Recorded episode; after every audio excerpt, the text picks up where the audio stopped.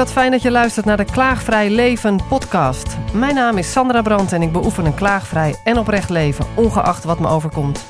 Ik ben nieuwsgierig in hoeverre onze mindset ons leven bepaalt. Volg mijn zoektocht naar de antwoorden en ontmoet bijzondere gasten met een inspirerend verhaal in deze serie podcasts.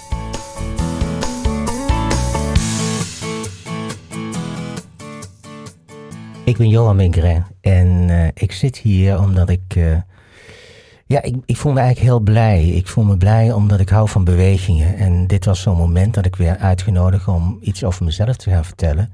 Uh, in die zin dat mijn hele leven al staat in het teken van, van zijn, van groei en ontwikkeling. En wat ik het liefst zou willen is dat mensen eigenlijk zichzelf willen vinden, loskomen van de, de hectiek, de drukte, de veranderlijke samenleving uh, kunnen luisteren naar zichzelf en op die manier eigenlijk weer in verbinding komen met hun inspiratie, hun vreugde en wie ze werkelijk zijn. Johan, van harte welkom.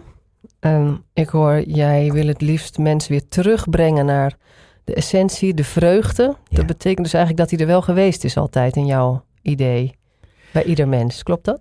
Klopt, dat, dat, dat vind ik het zo wonderlijke. Het, het, het, de werkelijkheid, de wereld begint altijd bij jezelf. Als ik hier niet zou zitten, dan zou de luisteraar mij ook niet kennen. Dan zouden ze ook niet weten dat ik zou bestaan. Dat is ook de reden dat ik hier zit. En ik heb mezelf uitgenodigd om hier ook te gaan zitten. En het voelt zo goed om op die manier uh, uitgenodigd te worden met mijn boodschap te vertellen. Omdat ik inderdaad ervan uitga dat ergens in het verleden, toen ik een baby was, dat ik zo creatief was en zo open naar de wereld was, enthousiast en vol, vol geestdrift. En dat op een of andere manier dat helemaal is weggemaaid voor mijn voeten. En ik heb hard gewerkt om op die manier die openheid weer in het nu terug te vinden. Van creatieve baby weer terug naar het creatieve kind in jezelf als volwassene zijn. Als volwassene zijn. En dat gun je iedereen. En dat gun ik iedereen. Wil je iets vertellen over hoe het komt dat dat is weggemaaid? Want het is weggemaaid. Dus het, het, het is gebeurd zonder dat je het wist bijna. Ja, hmm. ja, ja. Um, dat is een heel, een heel lang verhaal, maar ik kan het ook heel kort houden. Um, ik heb een formele kenning als burgeroorlogsslachtoffer. En dat betekent eigenlijk dat ik een heel traumatisch verleden heb gehad van, uh, met opvoeders die niet beter wisten dat ze hun kinderen moesten gaan opvoeden op, op een harde manier om hen voor te bereiden op die harde wereld. Zij wisten niet beter, want ze hebben in jappenkampen gezeten. Mm -hmm. En ik heb dan vervolgens heel veel over gelezen. Ik heb een hele ontwikkelingsweg in het onderwijssysteem gehad. Van MAVO, HAVO, uh, HBO, uh, universiteit. En ik ben nog steeds aan het ontwikkelen. En ik weet niet beter dat mijn ouders altijd het beste voor hebben gehad voor hun kinderen. Om hun kinderen voor te bereiden. Maar niet wisten dat ze maar daarmee hun... Uh, dat ze het emotionele drama in het kind gingen, gaan, gingen ontwikkelen. En jarenlang heb ik daarin gegijzeld gezeten. In angst, in paniek, in twijfel. Uh, ik had geen leven als kind. Dus vanuit het leven, vanuit de vreugde, creatieve baby naar een eigenlijk gegijzelde situatie als kind, zoals jij het ervaart. Correct. Ik, ik werd gegijzeld in het drama van het begaafde kind. Ik mag nu stellen als volwassene dat ik best wel hoogbegaafd ben en dat het ook mijn redding is geweest. Mijn ultieme nieuwsgierigheid, mijn interesse voor wat is. En dat heb ik gelukkig meegekregen en daar heb ik dankbaar gebruik gemaakt. Vandaar dat ik, dat ik hier in alle rust kan zitten en, en op die manier ook met plezier kan, kan meegeven dat alles uh, wat we hebben meegekregen, dat dat in het nu uh, weer op een goede manier te stroomlijnen is. Dat je daarmee je eigen pad weer kunt maken. Want het is zeg, volgens mij ook nodig om dat eerst in te zien voordat je het kan doen, of niet?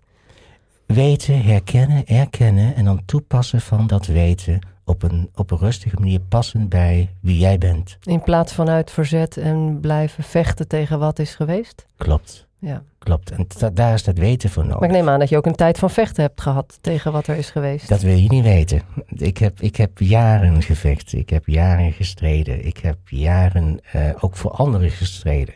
Ik heb namelijk ook heel veel jaren heb ik een soort van helpenssyndroom gehad. En heb ik eigenlijk iedereen op mijn pad geholpen om verder te komen. Uiteindelijk ten koste van mezelf. Ja. Blijkbaar zat er een pijn in mij wat ik niet wilde voelen. En dat was dan niet bewust. Ik ging gewoon door. Mijn inzet was gigantisch en groot. Oké, het helpersyndroom, Johan, waar je uitgestapt bent. Uh, eigenlijk een soort vrijheid daarin weer gevonden, denk ik. Mhm. Wat is er toen gebeurd? Um, nou, je moet even goed doorhebben hoe dat helpersyndroom werkt. Je wil namelijk door iedereen aardig gevonden worden. En uh, helpen in het doorgaan maakt dat je op die manier ook uh, alles probeert te doen wat goed is. En dan kom je tot de ontdekking dat nooit iets goed genoeg is. Uh, en dan ga je nog meer door. Um, en dat moet je doorhebben. Uh, en ik had dat gewoon niet door. Ik bleef maar helpen, helpen, helpen. Tot ik bepaald moment zelf uitgeblust raakte. Ik kwam zelf in de burn-out terecht. Ik heb hem laten helpen door psychotherapeuten. En ik kwam erachter dat ook zij het eigenlijk helemaal niet wisten waar ze moesten gaan beginnen. Uh, ondertussen had ik natuurlijk voldoende diepte verzameld in kennis met betrekking tot hoe het, uh, hoe het uh, traumatisch eigenlijk door, doorwerkt. Ik heb me ook als psycholoog verdiept in de neurowetenschappen. En ik kwam erachter dat de gijzelingen bepaald moment geprogrammeerd worden in de bedrading van het brein, waardoor het brein eigenlijk vastloopt. En dat we op die manier niet optimaal gebruik meer kunnen maken van ons rationele bewustzijn, omdat het oerbrein het gaat overnemen. En dat is wat eigenlijk centraal staat in de hectiek van alle dag, waarin mensen gegijzeld worden in eigenlijk het alarmsysteem wat zich manifesteert in het emotionele brein. Dat raakt op hol. En het op hol raken maakt dat het rationeel, het verstandelijk vermogen van de mens wordt afgesloten, het lichaam in een hoge staat van paraatheid gaat functioneren en het emotionele bewustzijn verward raakt. En dat maakt dat mensen zichzelf kwijtraken in het hier en nu en niet meer vinden waar ze uh, ja, hun, hun zijn moeten gaan, uh, gaan terugvinden. Dus mensen blijven zoeken. Het lijkt een beetje op. Ik laatst hoorde ik iemand tegen mij zeggen: Ik weet soms niet meer wat ik.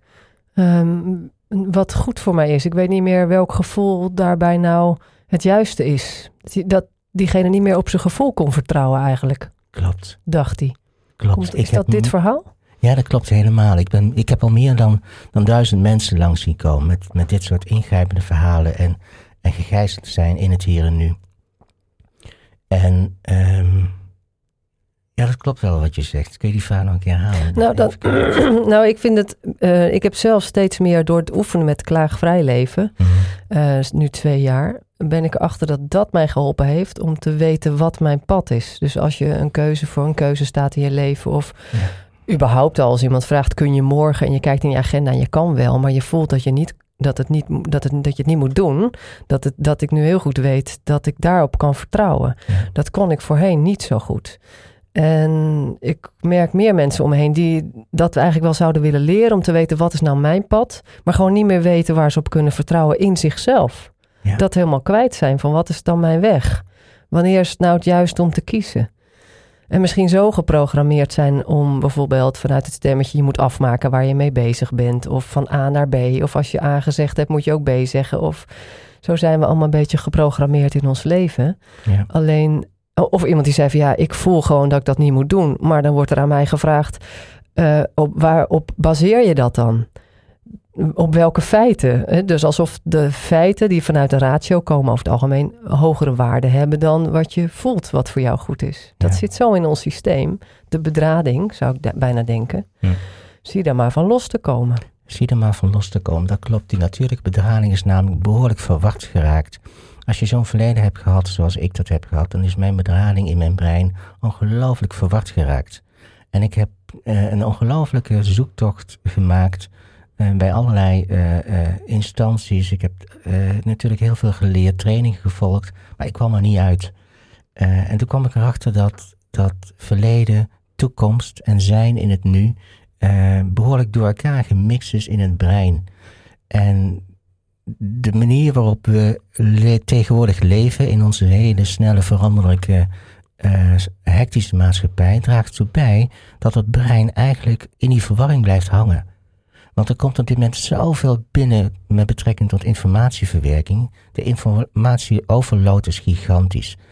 Als je kijkt bijvoorbeeld naar de informatietoename op, uh, uh, in de wereld, dan neemt dat elke 18 maanden verdubbelt dat zich.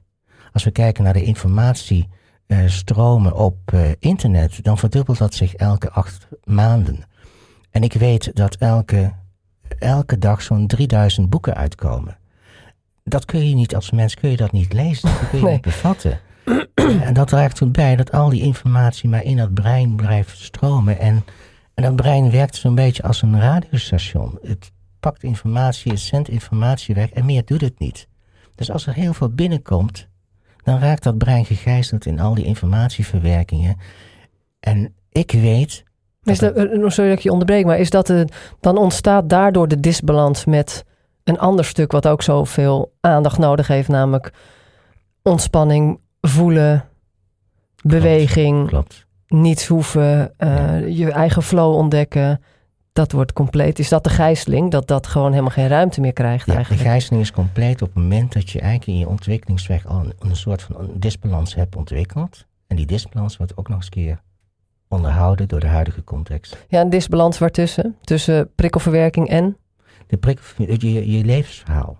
Als je levensverhaal niet optimaal in balans is geweest, dus je hebt Mhm. bijvoorbeeld eh, allerlei ingrijpende eh, omstandigheden gekend in je ontwikkeling als baby, peuter, kleuter, schoolkind, puber, adolescent, richting volwassenheid, dan kunnen allerlei ingrijpende gebeurtenissen in het brein opgeslagen zijn. Ja. Het brein heeft zo'n grote opslagcapaciteit.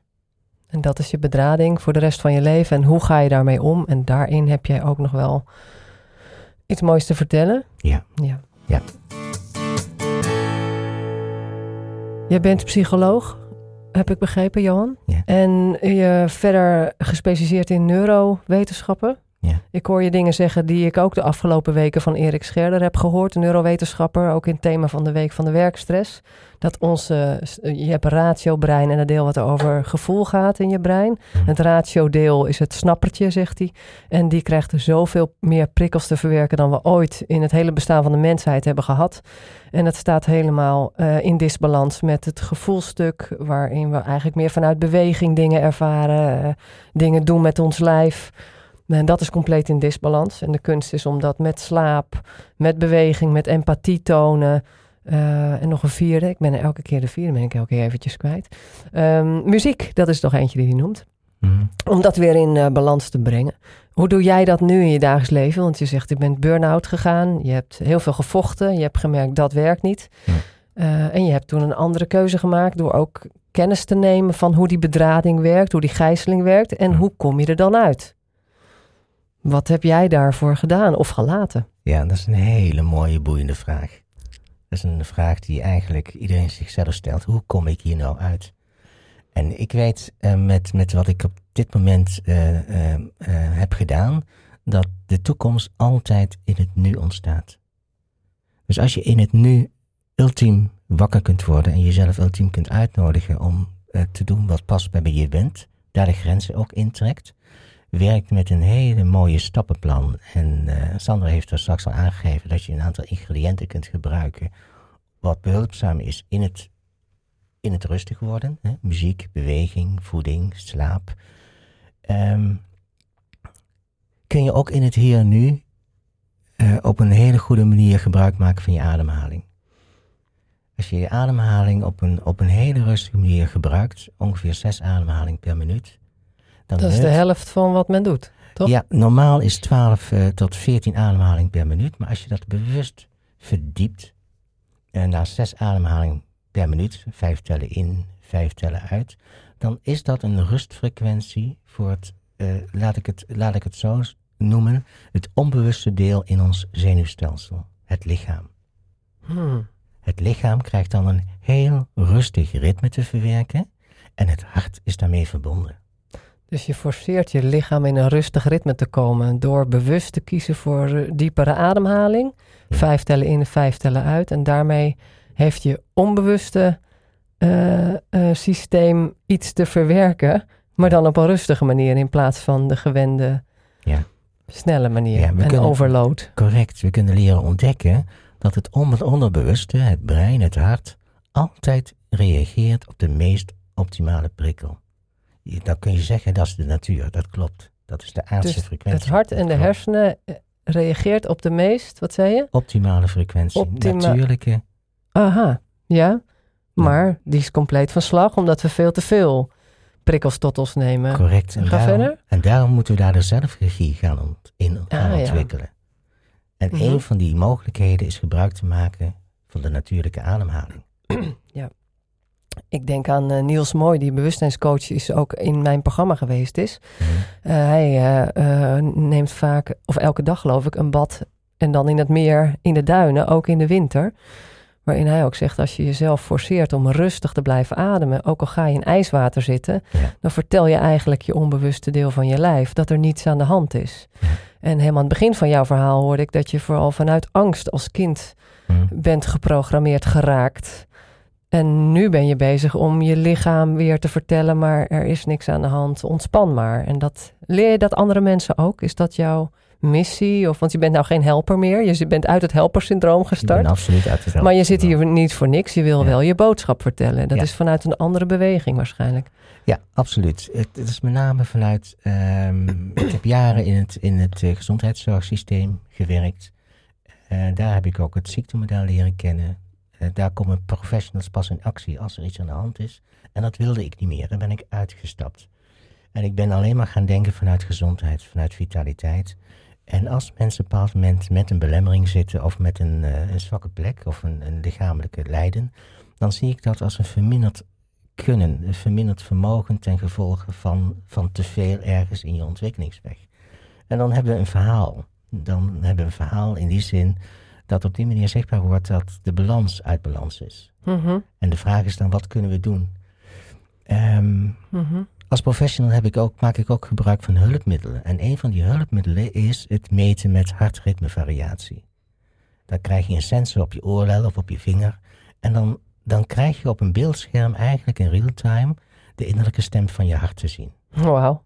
En dat, dat innerlijke stem van het hart is gekoppeld aan het autonome zenuwstelsel. En autonoom betekent Autonoom betekent dat, dat, eh, dat het zelfstandig functioneert. zonder jouw eigen, Zonder het leven leeft waar we, Precies. waar we niet over hoeven na te denken. zoals je hartslag. Zoals je hartslag.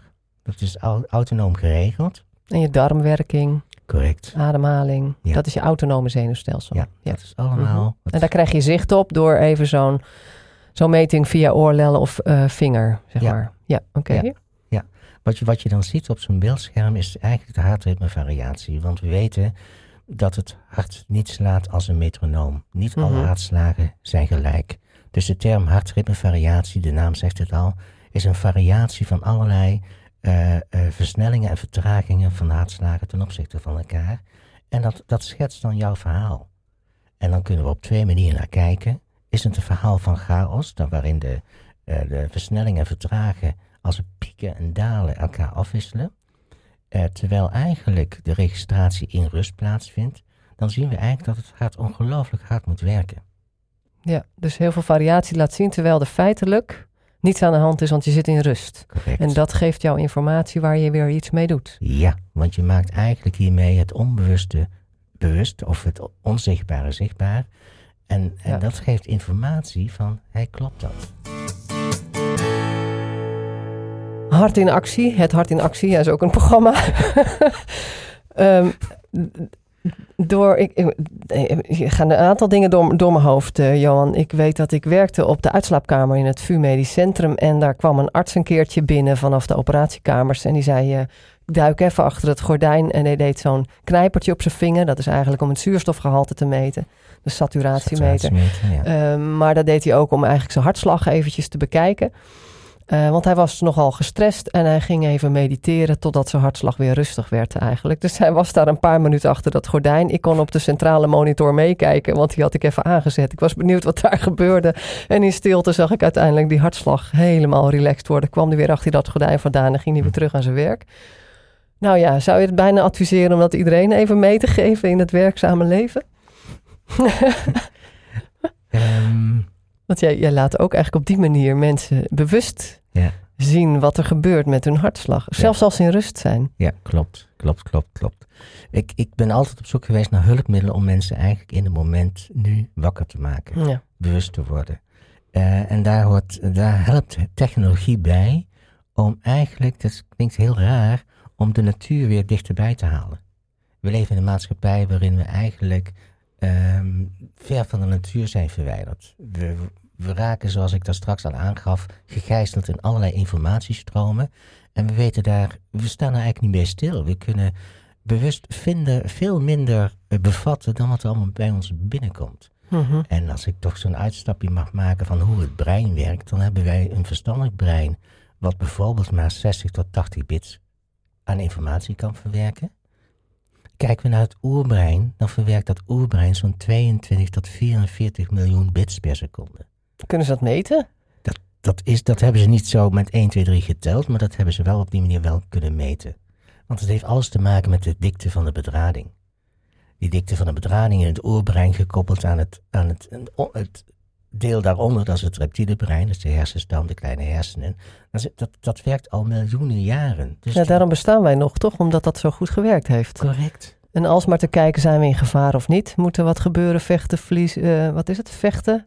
Vluchten, Vluchten. of doen alsof je dood Of bent, oftewel bevriezen. bevriezen. Ja, ja, je doodhouden. Ja, En Zo- meestal is er nu niks aan de hand, Klopt. maar zitten we daar nog steeds bovenop. Klopt. Dus worden we aangevallen, dan wel woordelijk door iemand, of we zijn er heel erg alert op, zonder dat we het weten vaak. klopt. En dat kun je dat ook terugzien in je hartslag, in je... En dat kun je terugzien bij het meten van je hartritmevariatie. Doe je dat, doe je dat eh, bij mensen in een praktijk bij jou, of hoe gaat dat? Of kom Ik doe je dat bij- dagelijks bij iedereen die bij mij komt. Hmm. En eh, ik zie dat als een hulpmiddel, omdat mensen eigenlijk in een moment toeschouwer kunnen zijn van hun eigen hartritme. Van hun eigen hartritmevariatie, waarvan ze eh, zelf totaal geen idee hebben. Nee. En het mooie is, is dat, dat het zichtbaar maken van dat verhaal Mhm. ertoe eh, bijdraagt dat mensen ook open gaan. En hun verhaal vertellen. Van, van, van hoe ze op een bepaald moment hun, hun ontwikkeling hebben doorgemaakt. Hoe ze gegijzeld zitten in angst. Hoe erg ze het vinden met betrekking tot de problemen die ze hebben ondervinden van hun eigen lichaam. Ehm, dus, dus dat middel is een ongelooflijk Het maakt echt mooi wakker. instrument. Eh, het is een hulpmiddel. Elke technologie, elke methode wat je gebruikt is een hulpmiddel. Welke, welke methodes heb jij nog meer eh, die je gebruikt? Dus wat ik, wat ik gebruik is inderdaad die hartritmevariatie. Ik ben bekwaam in allerlei ontspanningsstrategieën, autogene trainingen. Autogene Jacobsen. training, vertel. Wat is een autogene training? Een autogene training is, is een, een, eigenlijk een, een, een, een hele mooie ehm, westerse manier van, van eh, ontspannen. Waarin je op die manier eh, eh, zinnen je eigen maakt. Als gevoelens van zwaarte, warmte en volkomen rust. Door bepaalde zinnen te herhalen, eh, krijgt het lichaam eigenlijk zijn natuurlijke eh, ontspanning terug. Mhm. Ja, dat doet me denken aan woorden die iets doen met je lijf. En nu bezet je ze dan letterlijk in. Ja. En zo kun je hele specifieke zinnen eh, gebruiken, want Hm. we weten inmiddels vanuit de neurowetenschappen dat de taal van het Ja. brein herhaling is. Mhm. En als je in het nu positieve zinnen herhaalt, Mhm. of zinnen die op die manier het. het Ook al voel je dat vooraf niet zo. Ook al denk je het is niet waar wat ik zeg, maar ik ga het toch zeggen. Fake it till you make it. Fake it en dan wordt het vanzelf Ja, realiteit. het gaat om het proces en daar kun je zelf regie ontwikkelen. je, al kun je je verdrietig voelen, maar door gewoon je een gulle glimlach te maken, je mondhoeken naar omhoog te bewegen, dan zal het lichaam ten positieve reageren met de aanmaak van hele mooie positieve hormonen. Hm, dat klinkt heel mooi. En daarnaast heb ik altijd een beetje een ribbeltje bij het idee dat het altijd eh, positief moet zijn. Maar dat is niet wat je bedoelt. Dat is niet. We moeten weer, weer eigenaarschap worden over de natuur, over het natuurlijk zijn. Hm. En eh, omdat we in zo'n hectische wereld zijn, eh, zijn, leven, Mhm. zijn we eigenlijk de, de innerlijke stilte in ons kwijtgeraakt. En daarmee de verbinding met, met het universum, de natuur. Mhm. eh, die eigenlijk blijft stromen. eh, maar dat, die, die, die stroming komt minder makkelijk binnen als ons lichaam in de war is. Mhm. En voortdurende staat van paraatheid En heeft. Want volgens mij is dat wat je Ja. eigenlijk bedoelt door die, die misbedrading bijna. Maakt ons oerbrein overuren en, en Ja, is de ratio voortdurend bezig om prikkels te verwerken. En ben je in een staat van voortdurende alertheid. ja. En dat is gespannen. En dat heet dan gespannenheid. Ja. ja. Komt daar vele burn-out vandaan, denk je? Ehm, Zwart-wit kort door de bocht? Ja. Korte antwoord, ja. Ja. En hoe gaat het nu met jou? Uitstekend. ik, ik, uh, dat is ook het mooie van, van uh, het, het toe-eigenen van allerlei hulpmiddelen, technologieën. Want je kunt eigenlijk met zo'n hulpmiddel luisteren en kijken naar het hart. En je kunt ook scoren in de meest optimale gemoedstoestand. Oh ja? Ja, dat heet in de topsport heet dat flow. Uh, maar op dat beeldscherm wat je dan voor je ziet, zie je ook een uh, tweetal lijntjes. En als je dat tussen die twee, dat is wel grappig hoor. Als je tussen die twee lijntjes scoort, kudo's. dan ontwikkel je de meest optimale gemoedstoestand. En dat betekent eigenlijk eenvoudigweg dat er een, uh, een goede samenwerking is in de innerlijke fysiologie. En dat betekent de samenwerking tussen het hart, het brein en het autonome zenuwstelsel. Alles in één lijn. Brein, hart, autonome zenuwstelsel. Um, ja, normaliter denken we helemaal niet op die manier. Maar als we het vaker zouden doen met z'n allen, dan zijn we veel meer in tune en in contact met onze natuur. Um, ik denk dat zelfs de meest, meeste ratio-mensen, georiënteerde ratio-mensen, daar toch wel iets van voelen dat het klopt. Ja. dat is mijn aanname. Mm. Als je hem nog eens wil samenvatten van waar, waar is het jou om te doen? Hoe kan jij een bruggetje slaan naar de afronding? Ja. Hoe kan ik een bruggetje slaan naar de afronding? Ik wil mensen ultiem nieuwsgierig maken en dat ze weer verbinden met datgene wat ze werkelijk belangrijk vindt, met hun interesse. En dat vraagt om een plan van aanpak in het nu. Dat vraagt om weten. Dat vraagt om herkennen. Dat vraagt ook durven erkennen dat je bepaald moment uit balans bent en dat je op zoek bent naar de balans en dan moet je iets toepassen. En dat toepassen is eigenlijk een plan van aanpak. Um, daar heb ik heel veel over geschreven. Ik, heb er ook, ik geef er ook trainingen over, een breintraining. Dat duurt een weekend en dan leren mensen alle ingrediënten tot het maken van een persoonlijke stappenplan, waarin ze dan gedurende vier weken optimaal worden ondersteund met een leerpakket erbij. Daarnaast maak ik dus gebruik, zoals ik er uh, straks aangaf, van allerlei innovatieve technologieën. De hartritmevariatie van Hartmats is daar een voorbeeld van. Maar zo ben ik ook uitgenodigd door een bedrijf om een zogeheten business at lead room te ontwikkelen. En daar staat een, iets, een hele mooie uh, innovatieve technologie, de O2-chair. En de O2-chair is uniek in, in, in de wereld overigens. Het is namelijk de eerste uh, ademstoel ter wereld. Een ademstoel? Het is een ademstoel. Vertel. Het is een ademstoel. Uh, ik heb er zelf twee in mijn bezit en dat zijn de twee enige op dit moment in Nederland. Eentje staat in een bedrijf en die bedrijf heeft mij dus uitgenodigd om, om een hele speciale ruimte voor hun medewerkers in te richten. En ik heb er zelf op dit moment thuis eentje staan om zelf experimenteel onderzoek te doen met betrekking tot allerlei mooie programma's die erin zitten. Je gaat er wel van stralen. Ja, ja, ja, ja absoluut. Die ademstoel, uh, um, die, die, die geeft op die manier de goede, het goede voorbeeld hoe je bepaald met verdiept kunt ademhalen. Mm -hmm. In die F6, in zes ademhalingen per minuut. Het wordt ondersteund door hele mooie uh, teksten via je koptelefoon. Er komt een hele mooie uh, muziek achter. Daarnaast geeft het warmte. En wat ik nou ook zo boeiend vind aan die stoel, is dat hij ook uh, zich gaat plaatsen in een zogeheten anti-zwaartekrachthouding. En NASA heeft er heel veel onderzoek naar gedaan, want juist in die houding um, krijgt, wordt het hart minder belast. En daarnaast geeft het extra zuurstof, die stoel, met een slangetje, waardoor in die houding dat brein ook weer beter voorzien wordt van uh, zuurstof, waardoor eigenlijk in een hele korte tijd uh, je hele lichamelijk systeem en jijzelf weer in een neutraal stand terecht kunnen komen. In 7 tot 8 minuten. Dus de ultieme ontspanning. En daarmee en, en je hebt het in één bedrijf, het is een Alfa aan de Rijn, toch? Een tandartspraktijk, heb ik je horen zeggen in de voorbereidende gesprek. Het, uh, en het is voor de medewerkers daar? Het is daar voor de medewerkers. En heb je alles gehoord hoe het daar werkt en of mensen er wel gebruik van maken? Ik geef daar trainingen op dit moment. En het is, het is nieuw. Het is nieuw voor heel veel medewerkers. En ik kan me voorstellen, net als het uh, gebruik van een zit-staattafel, zo'n tafel dat ook omhoog kan, wat uiteindelijk toch meestal laag blijft staan, dat men gewend is om te zitten en te ja. werken, terwijl men weet dat het beter is om af te wisselen. Vraag ik me af hoe dat werkt als je dus een ruimte inricht waar je kunt ontspannen. Ge gebeurt dat dan ook? Dat gebeurt nu stap voor stap voor hmm. stap. Kijk, we, uh, er is een, je moet bepaald met daar een voorbeeld in hebben. En eh, we zijn verleerd om te weten wat goed voor ons Ja. is. Nou, we denken te weten wat goed voor ons is, maar dat is het niet hetzelfde als het doen. Nee, precies. Dat patroon doorbreken, dat is de kunst. En dat Correct. kan ook met behulp van training of advies bij wie dan ook, maar ook bij jou. Waar kunnen mensen jou vinden als ze toch wel meer willen weten? Waar, wat is jouw website? Ik heb een, eh, een, een Facebookpagina, dat heet eh, Inner Brain Control. Mhm. Eh, ik heb op dit moment een heel mooi LinkedIn-profiel, Johan Megre. En Maigret schrijf je met M-A-I-G-R-E-T. Juist, Juist. ja. De echte commissaris.